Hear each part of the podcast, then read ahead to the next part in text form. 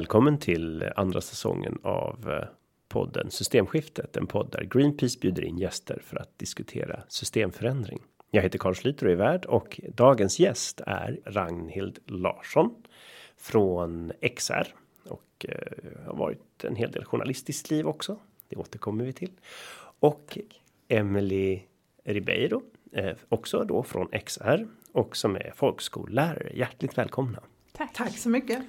Och som jag hintade då så är tanken att vi ska prata lite grann om varför ni är aktiva i XR och vad är detta XR som då står för Extinction Rebellion?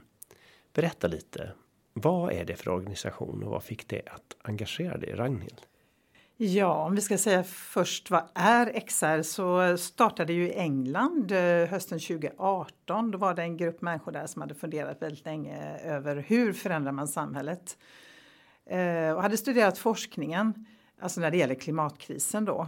Och då kom man fram till att fredlig civil olydnad är det som faktiskt förändrar samhället. Eh, så XR startade i London med Declaration of Rebellion i början av november slutet av oktober kanske det var till och med hösten 2018. Och två veckor senare så eh, var jag med på det första, allra första mötet i Göteborg. Och då det var ett fullt, en, alltså fullsatt lokal på Lagerhuset med människor som kände att nu får det vara nog.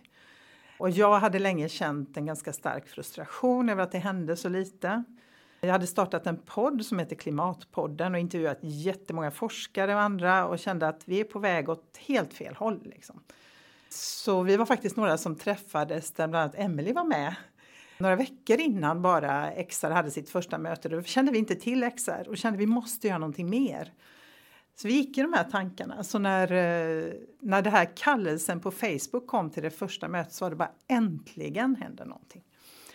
Och jag menar, som många andra tror jag som har varit engagerade i den här frågan så har man liksom gått i vanliga demonstrationståg, mejlat politiker, betalat in avgiften till Greenpeace. Det alltså, kan man gott fortsätta med. Den ja, det kan man absolut fortsätta med.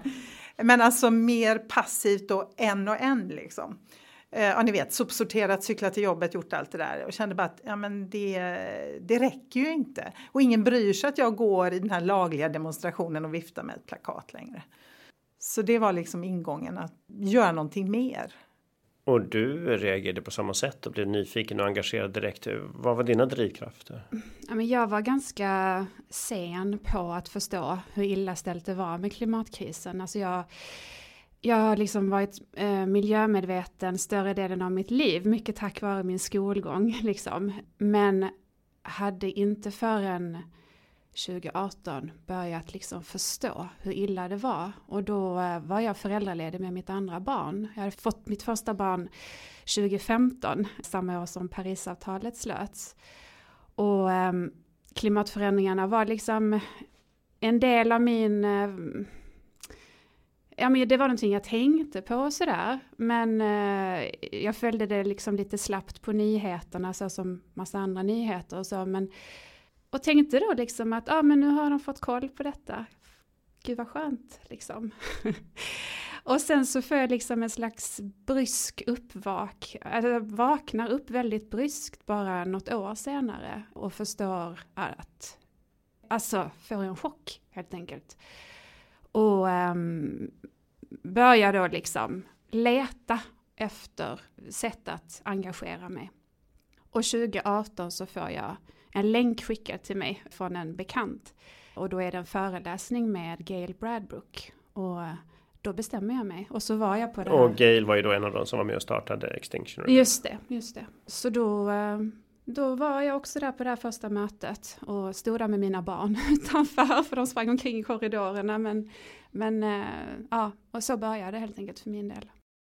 Och jag tycker den här historien är viktig för alla som lyssnar att ta till sig. För du fick en länk skickad till dig av någon. Mm.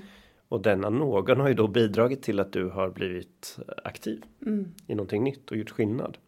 Så minsta lilla sak man gör kan faktiskt påverka mer än vad man tror. Det är viktigt att komma ihåg tycker jag. Men eh, jag tänker på som folkskollärare då. Hur reagerar dina studenter när de ser att deras lärare är aktiv på detta sätt? De reagerar i regel eh, med nyfikenhet och eh, jag har ju liksom, detta har ju blivit mitt liv och eh, jag pratar ju väldigt mycket om detta så att det kommer ju alltid in på mina lektioner så det är även med en viss suck ibland.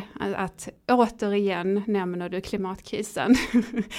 Även här kommer klimatkrisen in. Men, tur att det ingår i läroplanen i alla fall. Ja, det är en väldigt tur. Jag gör ju det jag ska. Och jag känner att jag är väldigt eh, privilegierad som kan sätta mig i gatan. Det är inte alla som har den möjligheten. Och eh, många gånger så är det inte riktigt min civila olydnad som vi diskuterar. Jag tänker att den inte är det är inte den som är i fokus på mitt jobb så att säga, utan det är mer att sprida kunskap. Jag tänker på just Extinction Rebellion då, kopplingen till klimat. För faktum är att eh, när jag träffade min partner 2017 så hade hon ett halsmycke med den här Extinction symbol som folk kanske då har sett som Extinction Rebellion har som symbol. Det är ett en cirkel som då ska vara jordklotet och visa dess begränsningar i fysiskt rum. Och sen inuti är det ett timglas. Eh, och det ska då symbolisera att tiden rinner ut för många arter att kunna fortsätta att existera. Och det är ju ganska tydligt kopplat då till artutrotning och planetens gränser. Och många förknippar kanske mest Extinction Rebellion med eh, klimat. Hur tänker, vad är logiken här så att säga?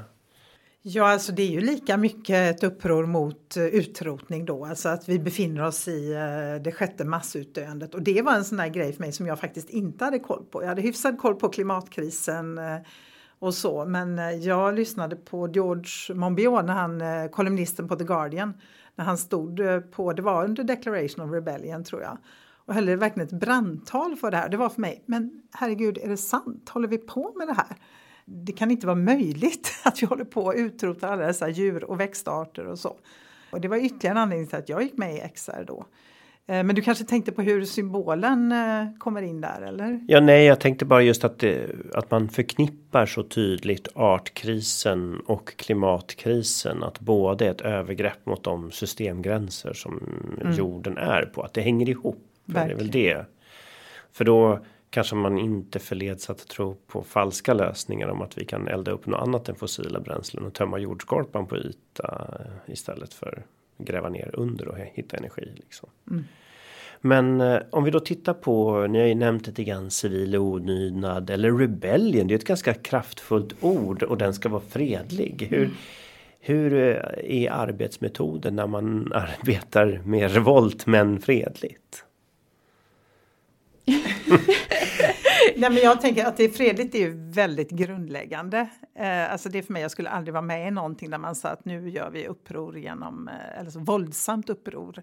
Det är ju väldigt grundläggande och samtidigt tycker jag uppror visar på att det här är, alltså det är det som krävs. Vi kan inte göra en liten mejlkampanj eller vi kan inte, alltså en vanlig demonstration, det räcker liksom inte.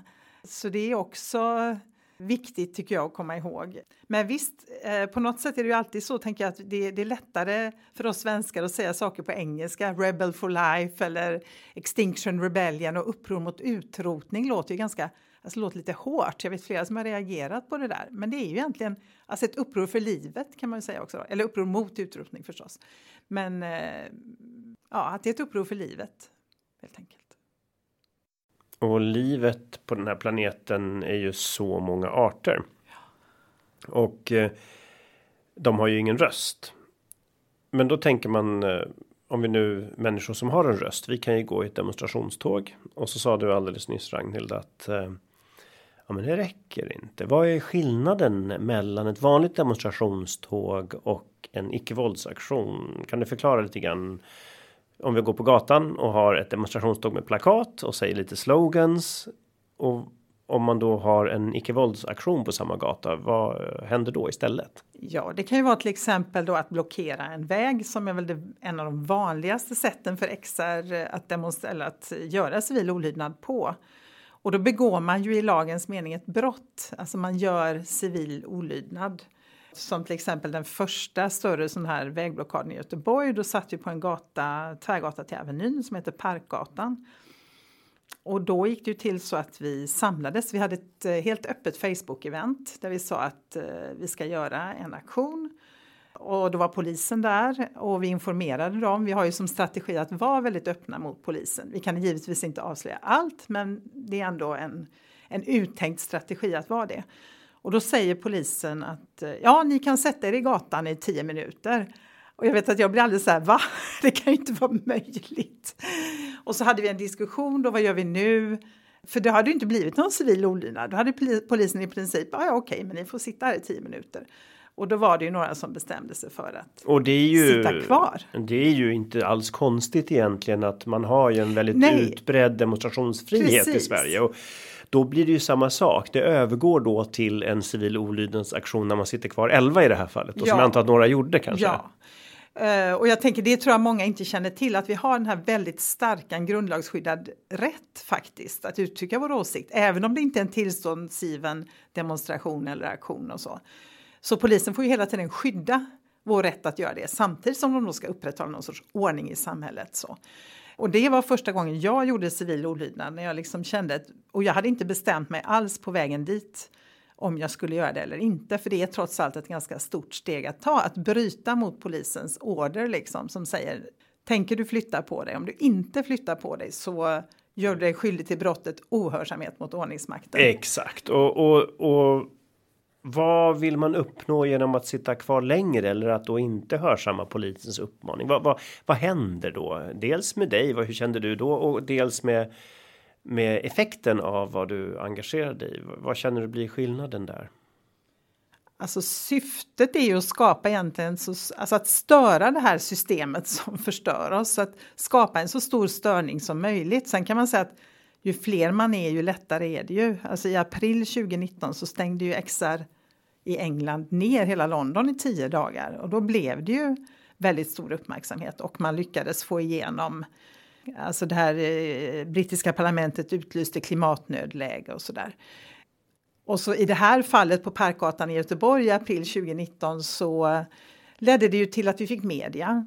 Alltså hade vi bara så tio minuter så är jag inte så säker på att, och gått snällt när polisen bad oss, så är jag inte så säker på att det hade blivit någon media. Och lyssnade media på ert budskap? Återrapporterade ja. de budskapet eller skrev de bara att nu var några aktivister i vägen Nej, de gjorde faktiskt det. Och det är klart att det är en viktig del av det att göra ett mediearbete som gör att det finns en pressrelease, det finns presstalespersoner som kan uttala sig om varför vi gör detta. Och varför gjorde ni den aktionen? Eh, det var för att påkalla, eller vi ville att Göteborgs kommun skulle utlysa klimatnödläge. Eh, så det var eh, direkt kopplat till det då. Och då det vill säga om de gör det så betyder det också att ni kräver att de ska anpassa kommunala beslut om allt ifrån upphandlingar till pensionsfonder till till trafikplanering till det nödläge som då är. Ja, ja, och agera på det, för man kan inte bara säga nu är det nödläge och sen strunta i det, utan då måste man ju såklart agera i enlighet med det också. Då. Och Emilia, du var ju nyligen med i en väldigt uppmärksammad aktion eh, där aktivister togs in på inte mindre än åtta flygplatser var det var i mm, Sverige samtidigt. Precis. Det var ju en väldigt stor operation och dessutom mot skyddsobjekt som är då i lagens namn faktiskt ännu värre så att säga än att, än att bara sitta på en gata. Berätta lite, vad var strategin här? Vilket budskap hade ni och hur reagerade människor på den aktionen?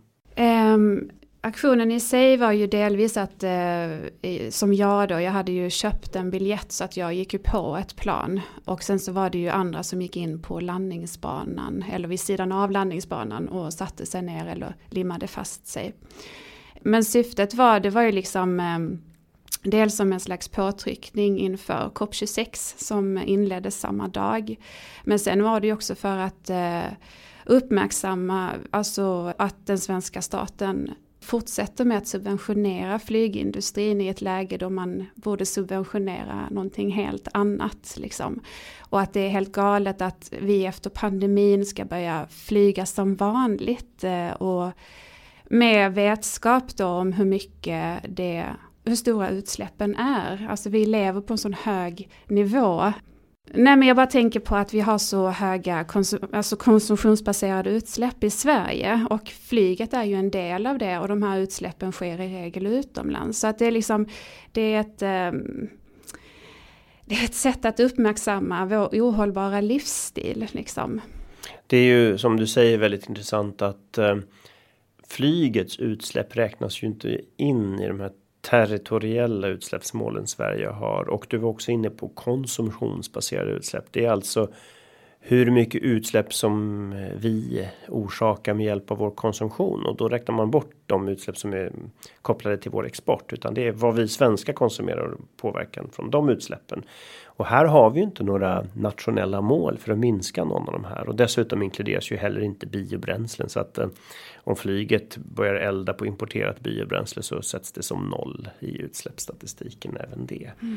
Så um, ni vill uppmärksamma att vi måste göra någonting bredare med den här aktionen då. Mm. Och eh, vad hände? Eh, du var ombord på ett flygplan. Mm. Du ställde dig upp och sa att jag vill inte sitta ner antar jag då eller? Ja, ja, det var jag och en till, Tina. Vi reste oss helt enkelt upp och eh, presenterade oss vid namn och berättade väldigt klart och tydligt var vi kom ifrån och att det var en fredlig aktion. Vi sa det både på svenska och engelska för att vi, vill, vi var noga med att inte någon skulle bli rädd. Sådär. Var det här ett inrikesflyg eller utrikesflyg? Det var ett inrikesflyg, mm. det var ett SAS-plan på väg till Arlanda. Och eh, nej men sen så, jag höll upp en banderoll där det stod fredliga och görsnälla. för att ytterligare Liksom. Jag misstänker att ni ändå blev fysiskt avvisade. jo det blev vi så småningom. Tre minuter senare kom Tog de in. Tog det bara tre minuter? Ja innan, ja, innan vakterna var. Ja. Ja. Um, och hur reagerade passagerarna? Var det några som sa att uh, ja, jag har mitt businessmöte och blev arga eller visar folk förståelse? Vad fick du för reaktioner? Alltså jag hade förväntat mig helt andra reaktioner. Det var ett lugn som spred sig i planet på ett väldigt märkligt sätt. Folk såg ut att sitta och lyssna på oss, i alla fall inledningsvis. Här, vad är det som händer? Och de tog upp sina mobiler och började filma väldigt många. Det var en som satt och log under hela, mm. ja, under de här tre minuterna som vi fick kolla på. Och sen så, ja, det var ju några som fällde några kommentarer om att men sätt er nu och, och mm. sådär. Men det var intressant det här du beskrev att det sprids ett lugn. Jag kan tänka mig att när man sitter på ett flygplan så blir man kanske orolig när någonting händer utanför ramen. När man märker att det var två fredliga aktivister och inte något värre så kanske man blev glad av det och lugn av det mm. möjligtvis. Eller? Mm. Men um, när ni kom ut då, vad hände sen när de tog av era planet? Ja, jag blev ju liksom, vi hade som en plan att vi skulle sätta oss ner då eh, så att vakterna skulle bära ut oss. Men jag hann inte det, jag blev uppfiskad. och fick ju då liksom eh, såklart snällt följa med vakten ut. Alltså jag gör ju inte motstånd eller sådär. Men Tina hann ju då sätta sig så att vi eh, jag fick ju stå utanför helt enkelt och vänta in henne. Och de hade ett himla sjå med att få upp henne.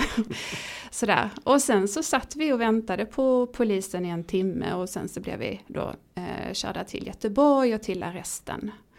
Och var det några som under det här då var inne på landningsbanan på just Landvetter eller var de på Nej, andra inte ställen? på Landvetter utan mm. jag vet faktiskt inte riktigt. Jag har inte full koll på vilka landningsbanor som eh, de var inne på. Sådär. Men då stoppar man ju alla för flygplan får givetvis inte lyfta när folk är i närheten av landningsbanan. Nej, precis. Och um, vad sa poliserna till dig då? Vad, vad var du misstänkt för att ha gjort för fel gentemot samhällets regelverk? De eh, sa att vi hade, det var det här eh, brott mot luftfartslagen som vi var misstänkta för. Då. För att ni inte följde besättningens uppmaningar? Precis, vi satte oss inte när de ville att vi skulle sätta oss. Mm. Mm. Ja, och du väntar då på någon slags effekt av det här antar jag? Ja, det gör jag. Och eh, för mm, statsministrar och politiker som inte når sina klimatfärdplaner så att klimat Klimatet förstörs och arter utrotas. Vad får de för straff? Precis. Och det är också så här, det är väldigt eh, det här är ju ett sånt konstigt brott på ett sätt, alltså att inte sätta sig ner på ett flygplan. Och så det är liksom, det sätter det verkligen i relation till att de som är skyldiga och borde ställas till svars. Eh, det, är ett sån, det är en sån liten grej och ändå blir det så här stort på något vis. Det är jättekonstigt. Det är ju också märkligt att um, det finns ju inget straff för den regering som bryter mot Sveriges eh, klimatlag till exempel. Nej. Där finns ju inget straff. Och eh, regeringen får ju heller inget straff om de inte når klimatmålen, även om det då får väldigt stora konsekvenser för samhället. Vad hoppas ni att eh, regeringen och andra beslutsfattare ska kunna ta till sig av en aktion då? Till exempel nu markerade ni mot flygets miljökonsekvenser. Vad, vad hade ni hoppats på för effekt? Vad var budskapet? Jag tänker att eh, fredlig civil olydnad sänder ut liksom kraftiga signaler både till politiker men även till liksom vanliga människor om att det finns de som tar de här frågorna på djupaste allvar och är beredda på att utsätta sig själva just för det här väldigt, väldigt obekväma att, eh, att störa business as usual. Och för mig är det därför jag gör detta, att liksom eh, försöka med min kropp påverka genom att visa min beslutsamhet i att det här måste få ett stopp. Det här måste liksom, vi måste in på en helt annan väg helt enkelt. Jag vet inte vad jag annars skulle göra. Jag tänker då de som tog upp sina kameror och filmade när ni ställde er upp. Nästan alla av dem har säkert antingen pratat med vänner eller lagt upp på något sociala mediekonto. Och en del säkert med kommentaren om att det var några idioter som försenade mig eller det var titta här var några modiga som vågade ställa sig upp. Eh, oavsett om man höll med eller inte så har ju aktionen antagligen lett till diskussioner hos alla de människorna som var med också. Är det tanken inte bara nå via media utan nå direkt till människor Absolut. som kanske inte är engagerade eller som inte har tänkt på frågan ens eller hur är tanken där att man ska nå dem man stör vardagen för. Om man nu Absolut. stör business as usual så är det också även då folks vardagsbusiness som störs. Ja. Vad, är för, vad är förhoppningen här att, att människor ska tänka eller? Ja, man tvingas ju ta ställning tänker jag. Alltså man måste ju på något sätt, om jag blir stoppad i en vägblockad eller någon ställer sig upp på ett flyg där jag sitter och just ska flyga till Stockholm så måste jag ju, alltså det är klart att man kan inte vara helt neutral i det läget och det tänker jag är en bra effekt av det.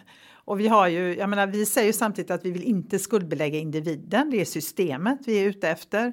Så det brukar vi ändå försöka förklara för de här kanske irriterade bilisterna att ja, vi är inte ute efter dig personligen, men vi har ett ohållbart system.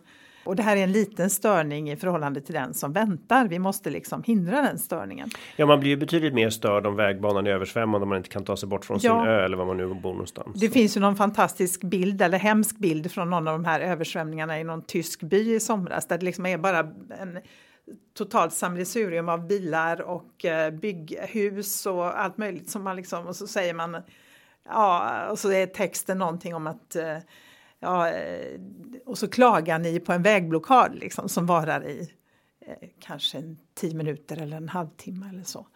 Men det är också så att människor reagerar ju väldigt olika. Vi har ju Pontus Bergendahl som numera är han var mjukvaruchef och är numera heltidsaktivist, har sagt upp sig från jobbet.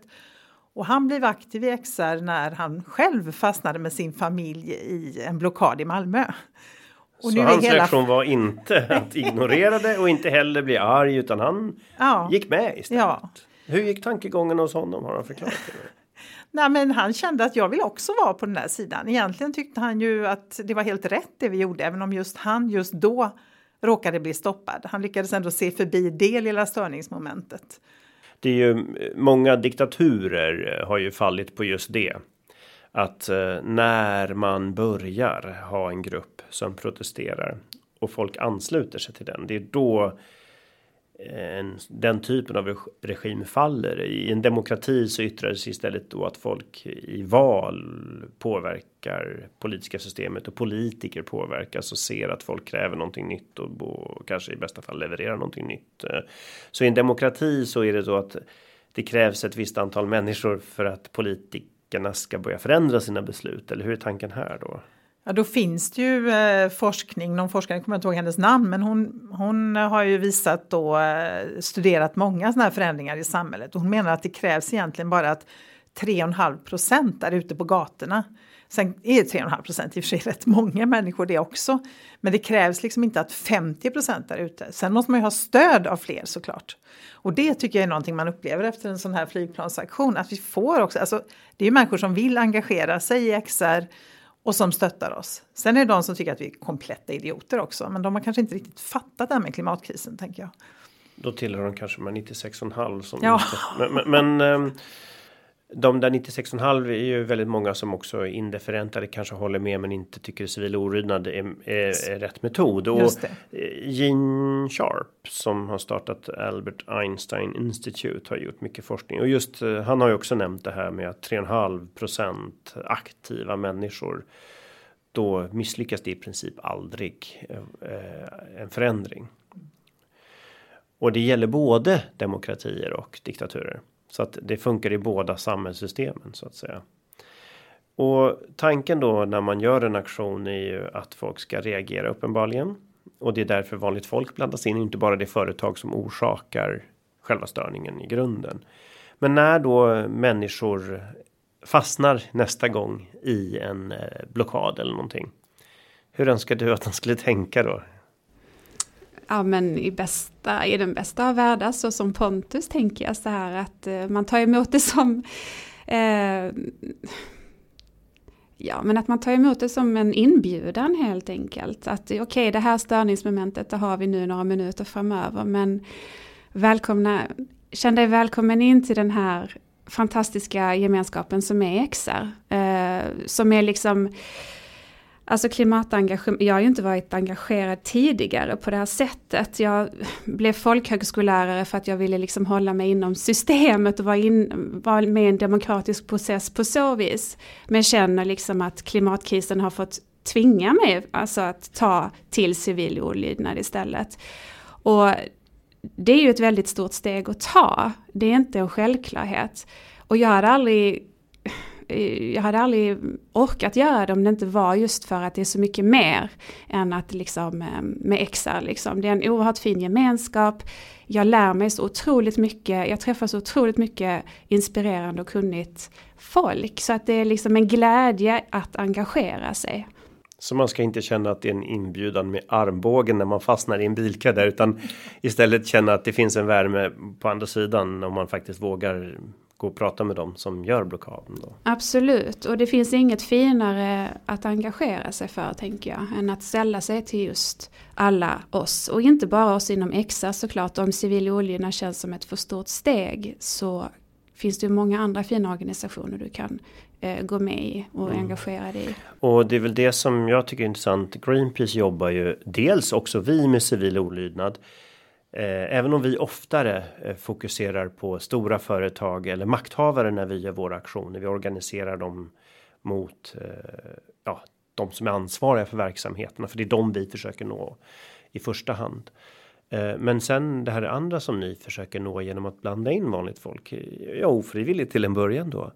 Ehm, det har ju vi också. Den här podden är ett exempel på det och du gör ju en egen klimatpodden. Du får 10 sekunder reklam för den sen. Men, men, men um, alltså alla jobbar ju på olika sätt. Greenpeace som organisation jobbar ju på flera sätt. Vi försöker påverka politiker genom att ha dialog och samtal. Mm. Vi försöker påverka företag. Och det är kanske inte många som känner till att nästan alltid eller i princip alltid tror jag så har vi en dialog med företaget där vi säger vad, vad planerar ni för investering här egentligen och hur hållbar är den och försöker övertyga dem med vanliga argument. Och ofta händer det att företag eh, reflekterar och faktiskt gör något bättre. Men de som då inte gör det, de, de kan ju då gå vidare till nästa steg i påverkansmöjligheterna då. Uh, och det är väl samma sak som du var inne på. Att människor kan ju välja att våga göra det som du gjorde och det som du har gjort Ragnar. Att faktiskt vara ohörsam mot eh, ordningsmakten eller då att inte följa flyg, flygandets regler. Um, men man kan ju engagera sig på många sätt och även XR då så ni har ju även folk som säkert stöttar och gör annat Absolut. än de som är direkt uh, aktiva. Man kan tänka sig att det finns andra roller för den som mm. tycker att det här var ett stort steg att ta. Vad, vad, vad kan de människorna göra i XR? Det finns ju supermånga roller, alltifrån att laga mat på auktioner och vi har ju något som heter hållbar internkultur eller hållbar regenerative culture som det heter på engelska. Ja, det finns ju många olika sätt att engagera sig på helt enkelt och eh, till exempel att se till att aktivisterna mår bra före och under och efter en eh, sån här aktion. Man kan vara med och göra mediearbete, man kan måla banderoller. Alltså det finns så många sätt att engagera sig. Och allt det här är ju fullkomligt lagligt då? Ja, absolut. Mm. Och jag tänker att det är ett väldigt, som du var inne på, det Emily, att det är ett väldigt stort steg det här att man går inte från ena dagen till den andra och sätter sig i gatan utan det är ju en process. Mm. Och det är lätt att glömma sin egen process. Nu har vi gjort det några gånger och då blir man så här, ja ja. alltså det blir lite vardag nästan över det. Så jag, jag tror att det är väldigt, väldigt viktigt att ha de där Eh, vägarna in och att alla ska kunna delta. Och det ska ju inte heller bli någon tävling. Ja, jag är coolast, jag har varit på tre rättegångar. Utan att alltså utan allt det här arbetet bakom så skulle inte det andra fungera. Nej, men det är väl det som menas med en god organisationskultur. Mm. Att det inte blir en sån här machotävlan om vem som är Precis. hårdast och, och ta upp kampen med polisen. Det är ju också väldigt. Polisen följer också de bara den lag och den arbetsuppgift de har fått, utan det är ju inte. Det är ju inte de som har fattat de beslut som har skapat situationen, utan de är ju också offer för ett system som tvingar dem till ohållbara saker. Det Verkligen. får man ju inte glömma bort heller. Och vi har en jättebra dialog måste jag säga med, med just dialogpolisen i Göteborg då. Och medvetet, vi var där för några veckor sedan nu och berättade om XR på en utbildning för dialogpoliser. Och det är ju verkligen en medveten strategi, för det är inte polisen som sagt som är våra fiender. Utan Nej. de gör sitt jobb. Nej, min erfarenhet är att polisen ofta känner sig trygg när de ser en Greenpeace-logga dyka upp. Då vet de att de har att göra med folk som har gått träningar som i princip alltid eh, klarar av att göra det på ett säkert sätt för att inte skada människor eller någonting annat som kan orsaka problem då så att det. Jag upplever också att polisen ofta är tacksam när de vet att aktivister är tränade och vet vad man gör och har ett säkerhetstänk i sin arrangemang. Liksom. Mm. Och jag vet till exempel då att gå in på en landningsbana är farligt, men då kommunicerar ju ni med flygledningen och polisen och folk limmade inte fast sig förrän det var säkerhetspersonal på väg som då att man inte skulle fastna i en farlig situation och så vidare och så vidare. Mm. Det här säkerhetstänket ingår alltid mm. och det kanske inte folk som inte är engagerade i det här alltid vet om att det ligger alltid en säkerhetsplanering och en analys bakom alla aktioner och jag antar att det är precis likadant för XR då till mm. exempel. Absolut. Om vi då tittar på effekterna av att XR har bildats hur många som är med som ni har aldrig varit med i aktiva klimataktioner eller ens en demonstration innan. Hur många har man nått som kanske inte hade engagerat sig alls annars upplever ni det? Alltså jag skulle säga att det är en majoritet som mm. inte har varit engagerade tidigare eh, på det här sättet eller liksom eh, överhuvudtaget. Själv hade jag inte varit. Jag hade väl gått i några enstaka klimatdemonstrationer vanliga. Jag var också med faktiskt, måste jag erkänna, och ockuperade min dotters rektorsexpedition när hon var liten. Jaha, efter den hundrade nedskärningen. Eh, men det var i stort sett det enda. Eh, så det är faktiskt väldigt, väldigt många och det är det som är fantastiskt med XR tycker jag att det är sån himla blandning på folk. Alltså det är verkligen allt ifrån teatertekniker till färdtjänstchaufförer till eh, lärare till konstnärer, läkare, journalister, alltså studerande och jag har aldrig haft så mycket yngre vänner. Liksom. Jag är ju lite äldre. Jag, jag, jag tänkte faktiskt på det också. Att um, jag vet inte om man får prata om ålder i. Jo, det får man. Ja, okay. hur gammal är du? jag är 61. Ja, 61. Um, nu är inte det jätteäldre skulle jag säga. Men, men, men, men um, det är i alla fall äldre än Fridays for Future ungdomarna Absolut. som går i skolan. Och uh, vad känner du att du har för fördelar av att vara lite äldre och aktivist? Alltså dels har jag ju vuxna barn så att jag har tid. Eh, så jag beundrar ju Emelie gränslöst här som har faktiskt har små barn hon ska ta hand om också. Och sen så tänker jag att jag också har en eh, eh Alltså jag blir väl behandlad av polisen. Jag, det är många som blir det, eh, men inte alla. Och jag inbillar mig att eh, alltså det är svårare att gå på en eh, äldre kvinna på det sättet kanske som. Ja, och framförallt jag minns särskilt i Ojnare så var det ju några av de närboende som jag tror de var över 80 redan då. Ja. Det blir väldigt svårt, även om polisen är så försiktig det bara går och så snäll det bara går.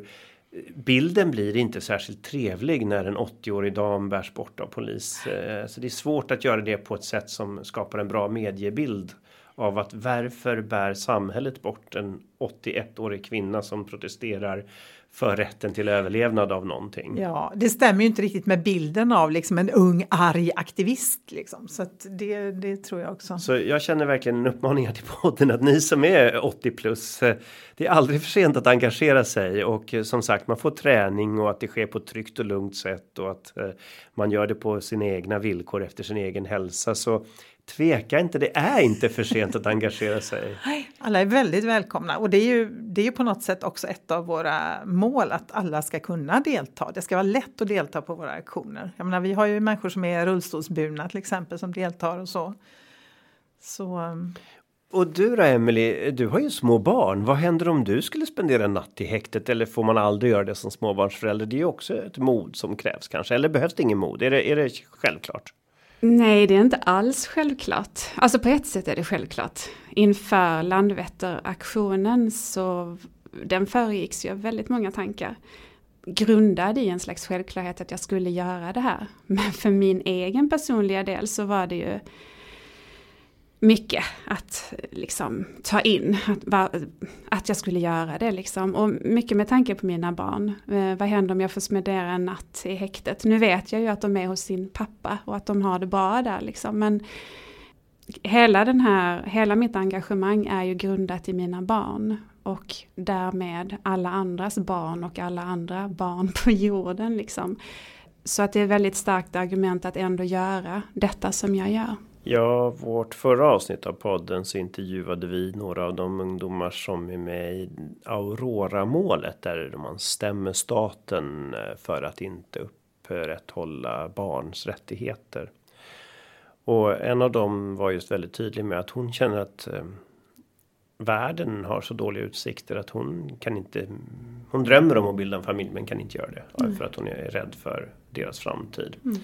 Och det är väl det absolut ultimata intrånget i en människas frihet och rätt till liv. Så eh, jag ser ju att barn är ju en drivkraft, men kan också hämma då som sagt en oro för att barnen ska fara illa av att föräldrarna hamnar i trubbel och så vidare. Men mer trubbel av att eh, råka ut för troll och sånt. Det skrämmer mig mer och att det är liksom, alltså, alltså en sån hotbild mot mig eller mot mina barn. Men den är den känns överdriven nu, men jag tänker att klimatkrisen är också en demokratikris. Och att demokratin är oerhört skör, även här i vårt trygga land Sverige. Så att den hotbilden för mig är beroende på hur det går liksom ganska eh, realistisk ändå liksom att jag känner att mörkare krafter kan ta över och därmed så utsätter jag mig för en, en, en annan typ av fara. Ja, just att demokratin då kan pressas i en kris. Och folk kan göra dumma och dåliga saker som, som då inte förändrar samhället på ett positivt och bra sätt. När du säger att demokratin skulle kunna få en kris, vad, vad, tänker du dig är det för skeenden och mekanismer som skulle skapa det? Men jag tänker att eh, klimatkrisen kommer att pressa våra demokratiska institutioner och eh, det kommer också, ju längre tiden går av inaktivitet från de som har makt att göra skillnad, eh, desto lättare befarar jag och får det befogat att att bruna makter kan ta över med ganska och förändra det som vi känner till idag. Det är min stora rädsla. Att eh, liksom demokratin här ska urlakas och vi ska liksom börja tänka kring, alltså liksom eh, bestämma vem som får vara en del av det här samhället och vilka som inte får. Alltså i högre grad än vad det sker idag. Ja, när samhället ställs inför mer kriser, då är det lättare att hamna utanför normen och det som är accepterat då kanske. Precis. Ja, för um, demokrati är ju ett sätt som har levererat bättre än alla andra styrelseskick hittills som vi har sett eh, på att få människor att känna tro på att samhället kan gynna alla.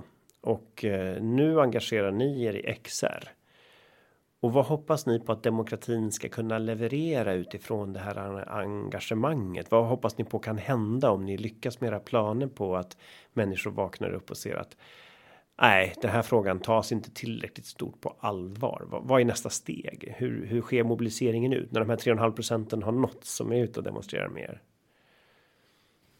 Men först handlar det om den här insikten att vi kan förändra och att jag är helt övertygad om att makthavarna kommer inte att agera utan en väldigt massiv press underifrån. Och vi är väldigt bekväma, alltså vi är väldigt vana vid i Sverige att det räcker att gå och rösta vart fjärde år och så. Och när människor har insett det och man får den här pressen då i en liksom önskevärld eh, så tänker jag att jag hoppas ju då, eh, XRs tredje krav är ju att inrätta medborgarråd. Och det tror jag väldigt, väldigt mycket på. Alltså att eh, vanliga människor faktiskt kan fatta kloka beslut. Det ska ju givetvis ske, liksom, de är rådgivande till, dem, eh, till politikerna som är valda. Eh, men det har ju förändrat, alltså det har ju prövats på många håll och jag tänker det, det tänker jag som en det ser jag som ett hopp faktiskt. Därför att jag är helt övertygad om att människor som får insikt och kunskap, vilket man får i ett sånt här medborgarråd, de kommer också fatta kloka och långsiktiga beslut som är bra för vår planet och för oss som människor. Och medborgarråden, lottas man ut till dem eller blir man engagerad och går med i dem? Nej, man lottas ut så att de ska representera befolkningen i ett land. Då. Så, ja. så det är lite grann återinförande av grekisk logik men där alla medborgarna får vara med på lottsedeln och inte bara vissa sorters män. Nej, och det, det finns ju någon sorts föreställning då om att alla som inte tillhör min grupp de är lite korkade och dumma i huvudet så det kommer aldrig att gå. Men erfarenheten från de här medborgarråden visar ju att människor är faktiskt mycket mer Ja, de är klokare än vad vi föreställer oss. Ja, så tanken här då bakom medborgarråden är att man lottas dit. Man går dit, man diskuterar en fråga, man får hjälp av experter att analysera frågan. Och sen diskuterar de här medborgarna ihop sig om lite olika förslag på vad politikerna skulle kunna göra. Men det är inte de som bestämmer utan de skickar sin kravlista till politikerna då som förväntas agera. Mm. Eh, sen är det ju i Frankrike inrättar ju Macron ett sånt här medborgarråd och han lovade på förhand att ja, jag kommer att följa era förslag. Sen var de här förslagen så radikala så det hade han ingen lust att göra. Eh, men vänta, man, får jag avbryta där? Ja. För det här blir ju väldigt intressant. Ja. Du säger att förslagen var radikala, men det här var ju inte XR-aktivister utan det här var slumpvis valda ja. medborgare som när de presenterades för fakta ställde radikala krav på politikerna. Ja, och det är ju väldigt intressant. Jag vet att DN hade en intervju med en av de här deltagarna, en medelålders man, eh, äldre medelålder, alltså män i min ålder är ofta av någon anledning klimatförnekare. Och han sa när han blev uppringd och tillfrågad om han ville vara med i det här medborgarrådet, nej jag ska nog inte vara med för jag, är, jag tror typ inte på klimatförändringarna. Och så sa de, nej men vi vill ha med dig. Och han vände ju helt, alltså, och det är det fantastiska idag att nu är liksom i princip alla de här som satt i det här medborgarrådet klimataktivister. För de insåg allvaret. Så att XR då vill dels att människor ska agera personligen.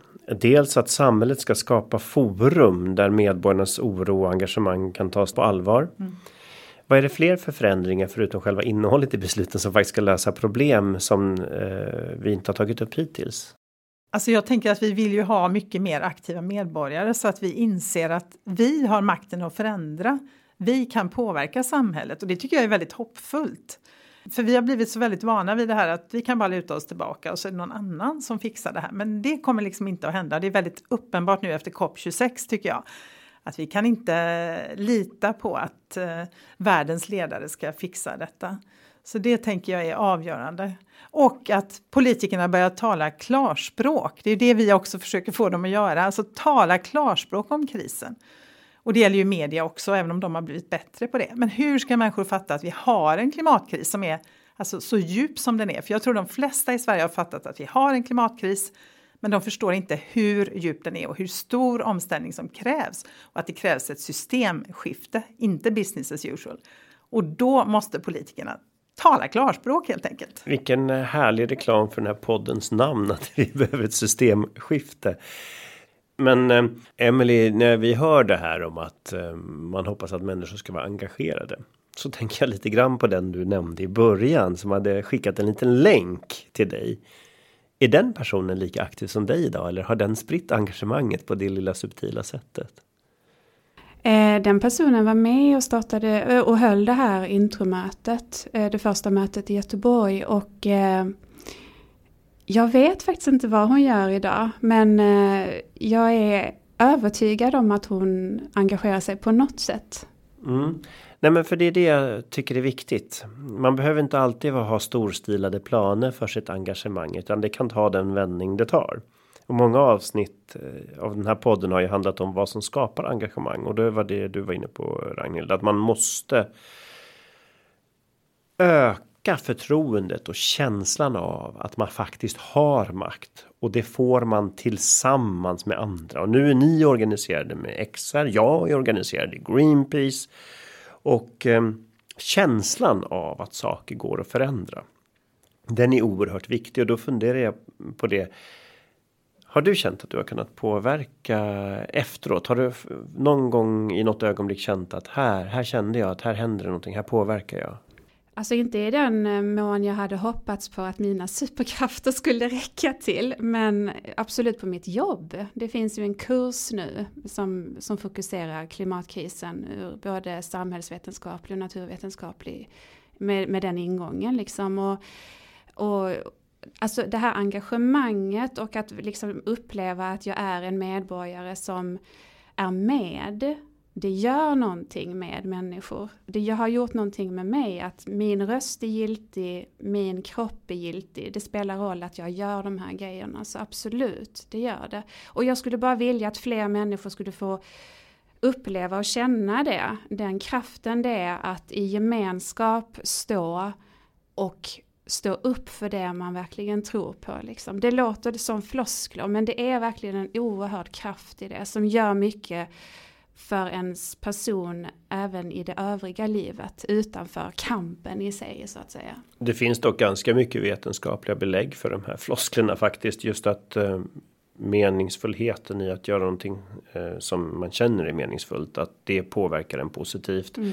Att göra saker tillsammans med andra påverkar positivt och att kunna påverka sin eller den större globala situationen mm. är också någonting som förstärker välmående. Så det finns ju ganska bra med forskning på att det här är någonting som är bra för mm. människor och så råkar det bli bra för planeten också. Vad skulle du svara på samma fråga? När upplever du att du har påverkat och känt att det här gjorde skillnad? Det har ju varit vid lite olika tillfällen. Eh, Preem till exempel, eh, där ju Greenpeace också var aktiva. Jag tror väldigt mycket på det här att agera just tillsammans med andra organisationer också och rörelser där alla gör på sitt sätt. Där vi ändå lyckades stoppa den här utbyggnaden. Nu kan man ju tycka att det är en futtig seger. Man vill helst att de ska lägga ner sin verksamhet. Men vi lyckades ändå stoppa den här utbyggnaden faktiskt av Preems eh, oljeraffinaderi i Lysekil. Och sen tänker jag så här att vi kan ju aldrig veta, kommer vi att lyckas eller inte? Men det spelar liksom ingen roll, man kan inte låta bli därför. Det är inte så att man plötsligt, liksom, att jag skulle kunna säga så här, nej men nu det verkar inte gå så bra så nu lägger jag ner det här. Alltså har man väl börjat, har man väl tagit steget så måste man ju fortsätta. Och jag ser det här som en livslång kamp. Nu är jag liksom Alltså, ja, det är 50 år kvar på din ja, ja, just det. Så, men jag ser ju som att det här kommer jag ägna mig resten av mitt liv åt. Och jag, precis, jag har väldigt svårt att se något mer meningsfullt att göra. Men om man går bortom era personliga eh, känsla av påverkan. När känner ni att XR har gjort någonting som har påverkat? Har ni några exempel där som ni vill berätta om? Jag tänker nu senast när vi var i Oslo strax före det norska valet Eh, och eh, där budskapet var sluta borra olja, sluta prospektera olja. Eh, Ett ganska milt budskap kan man kan tycka man när vi är mitt i en klimatkris. Eller hur? Och ungdomarna, de unga som var med var Vi vill leva var deras budskap. Man kan också tycka att det är ett ganska rimligt krav. Mm. Och faktum är ju att från att inte ha varit en valfråga så blev det ju det och det vill jag ju hävda att vi bidrog till i hög grad. Eh, och det kändes ju bra. Och sen var vi båda i Berlin i oktober 2019. 2019 ja. Och där var, där var det ju blockader i centrala Berlin i uppåt en vecka, eller en dryg vecka. Och eh, vilket ledde till att Berlin utlyste klimatnödläge. Så det var också någon, ja, där känner vi också att vi har liksom varit med och påverkat. Men då även eh, i samarbete med andra organisationer när, med Preem och med eh, Energihamnen i Göteborg så var vi en del av väldigt lyckosamma processer. Just det, Folk mot fossilgas. Just det. Ja precis, för det var ju en fossilgashamn mer än en energibara hamn. Mm, just det. det, det, det var. Mm. Och ja, den, det blev inte som de hade tänkt sig där då. Nej, det blev inte det. Och det var en väldigt eh, härlig insats att få göra, att få ligga i gräset och en solig dag och prata med medaktivister. Medans, eh, som vi inte trodde, det skulle inte bli så, vi väntade på att polisen skulle komma och gripa oss eller föra bort oss, men det blev ju bara en härlig dag. alltså det där är ju en helt oslagbar kampanjslogan, ligg i hängmattan och förändra. Det, det låter ju som någonting alla skulle kunna vara med på. Det är så det är för oss aktivister. När vilar en aktivist under en blockad? Vi har det så nice. ja men det är väl uppmuntrande ord egentligen och som sagt om du har lyssnat på vårt avsnitt idag så glöm inte att det finns ju X här, det finns Greenpeace, men det finns ju Naturskyddsföreningen, Fältbiologerna skydda skogen, Urbergsgruppen beroende på vilken fråga man själv tycker är intressant eller organisationer som jobbar med mänskliga rättigheter bland annat för att vi ser ju allt tydligare kopplingen. Eran symbol är ju jorden och artkrisen. Och eh, sociala kriser tenderar att förvärra de här kriserna. Så oavsett om du vill jobba för social rättvisa eller mänskliga rättigheter eller miljörättigheter. Så finns det ju alltid något sätt för dig att hitta ett sammanhang och ett engagemang som du kan kanalisera det på på ett bra sätt. Så att eh, ni har valt XR, jag har valt Greenpeace och alla tre har valt att vara med i podden Systemskiftet idag och det tackar jag så hjärtligt mycket för. Och jag önskar er lycka till framöver. Tack! Tack och tack detsamma! tack.